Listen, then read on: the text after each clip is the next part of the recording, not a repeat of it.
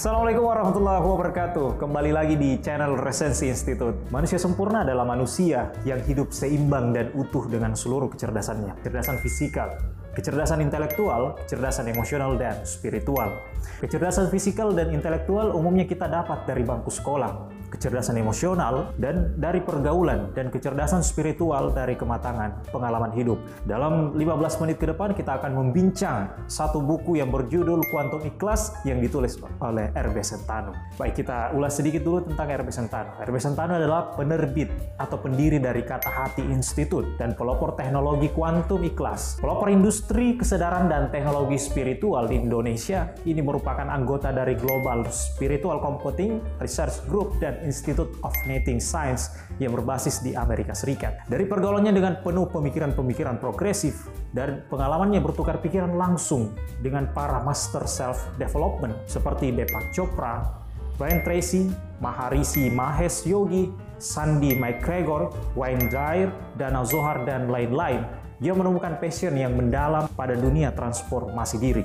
Buku ini adalah buku yang mengembangkan diri yang dilengkapi dengan CD digital player, jadi buku yang bisa langsung dipraktekkan dan dirasakan langsung manfaatnya yaitu teknologi kuantum ikhlas. Teknologi kuantum ikhlas adalah aplikasi ilmu pengetahuan untuk memudahkan urusan manusia di tingkat kuantum tingkat kuantum ya. Dan ikhlas adalah keterampilan atau skill penyerahan diri total kepada Tuhan untuk meraih puncak sukses dan bahagia di dunia dan akhirat. Mengukur, melatih, dan meningkatkan tingkat keikhlasan dari dasar hati untuk mengakses kekuatan dahsyat hati nurani menuju kejayaan yang seimbang. Ketika manusia benar-benar ikhlas, saat itulah doa atau niat berjabat tangan melakukan kolaborasi dengan energi vibrasi kuantum sehingga melalui mekanisme kuantum yang terlihat Kekuatan Tuhanlah yang sebenarnya sedang bekerja. Jika sudah demikian, siapakah yang mampu menghalanginya? Seperti diriwayatkan oleh Imam Jafar dalam kitab Al-Bihar, apabila seorang hamba berkata, tiada daya dan kekuatan kecuali dengan Allah,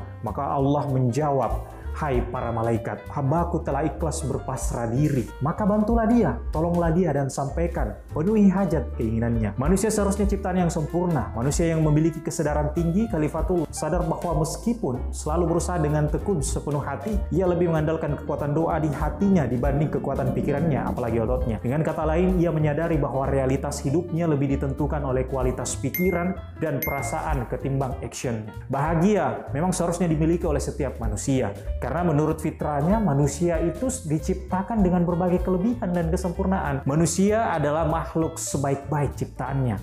Artinya, manusia adalah ciptaan yang paling sempurna dibanding dengan makhluk lainnya. Seperti yang ada dalam Quran Surat Al-Isra ayat 70.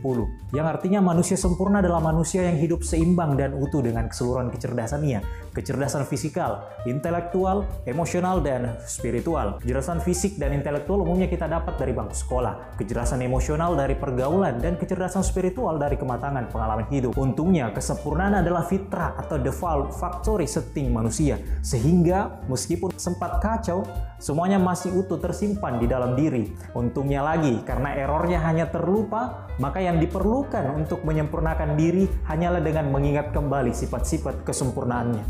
The law of attraction hidup di alam vibrasi. Seperti yang sudah dijelaskan oleh fisika kuantum, seluruh isi alam dan inti hanyalah getaran vibrasi semata. Getaran gelombang vibrasi bertingkat dari getaran yang paling lambat sampai getaran yang paling lambat sampai getaran yang paling cepat. Benda yang memiliki gelombang yang paling lambat getarannya adalah semua yang bisa diinderakan, sedangkan yang paling cepat adalah realitas pikiran dan perasaan. Kebanyakan orang menyelingi berbagai kegiatannya dengan berbagai keluhan tanpa menyadari bahwa yang ia lakukan sebenarnya adalah dengan fokus pada apa yang ia keluhkan. Oleh karena sifat energi kuantum semesta memiliki respon persetujuan otomatis, maka yang akan terjadi adalah orang itu akan mendapatkan apa yang ia fokuskan, yaitu hal-hal yang ia keluhkan. Inilah rahasia alam yang sering tercuekkan. Anda akan mendapatkan apa yang Anda fokuskan. Jadi rahasia sederhana, pikirkan hanya apa-apa yang Anda inginkan untuk terjadi, bukan yang sebaliknya. Langkah menyusun goal pray. Pertama, alpematic. Sebelum menyusun niat-niat, Anda pastikan Anda dalam suasana hati yang hikmat. Memahami bahwa masalah yang Anda cari solusinya ini merupakan rahmat Tuhan yang menjadikan Anda orang yang lebih baik lagi. Kedua, afirmasi. Tetapkanlah keinginan Anda dengan menulis, saya merasa bahagia karena titik-titik. Isi sesuai keinginan Anda. Tulislah dengan jelas dan spesifik dalam bentuk present tense. Hindari kalimat akan atau nanti. Tulislah seolah-olah hal yang Anda inginkan itu terjadi sekarang.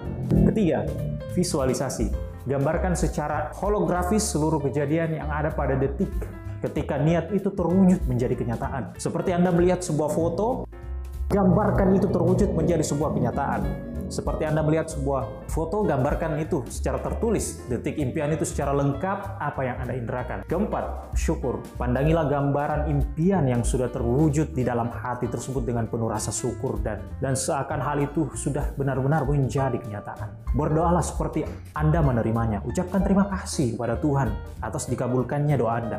Rasa syukur inilah yang akan mendorong alam vibrasi kuantum untuk segera melakukan tugasnya, mengantarkan pesanan Anda. Kritik subjektif presenter buku ini menurut saya bagus secara konten isi, tapi secara rujukan kurang baik. Karena tujuannya bukan secara ikhlas untuk berbagi pengetahuan, tapi ingin menjual ide dan alat teknologi. Buku ini seakan menjadi jembatan untuk tujuan perusahaan cari penghasilan. Seperti kebanyakan buku pengembangan diri, selalu saja berbayar dan selalu berujung pada uang. Padahal sejatinya untuk betul-betul membantu seharusnya membeberkan rahasianya secara jelas tanpa mempunyai maksud untuk melakukan marketing.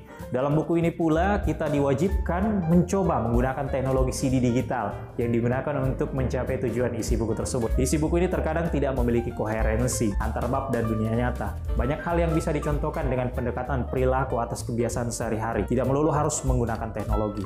Contohnya untuk mengaktifkan gelombang alfa otak itu bisa jalan-jalan ke tempat wisata alam atau ke pinggir pantai, itu sudah cukup. Bisa pula minum segelas coklat hangat sudah bisa mengaktifkan gelombang alfa otak. Anda harus mendengarkan CD Digital Brainwave yang pada akhirnya nanti akan ketergantungan dan ujung-ujungnya jadi virus lagi. Akhirnya saya ingin katakan saya bersepakat dengan konsep menggabungkan sains dan spiritual dengan pendekatan ilmu pengetahuan modern agar sesuatu yang gaib atau di luar pemahaman bisa dijelaskan secara lebih logis dan masuk akal sehingga menimbulkan keyakinan yang semakin kuat. Konta adalah bahan baku semua benda di alam semesta. Mungkin itu yang bisa saya sampaikan. Sampai jumpa di resensi buku selanjutnya.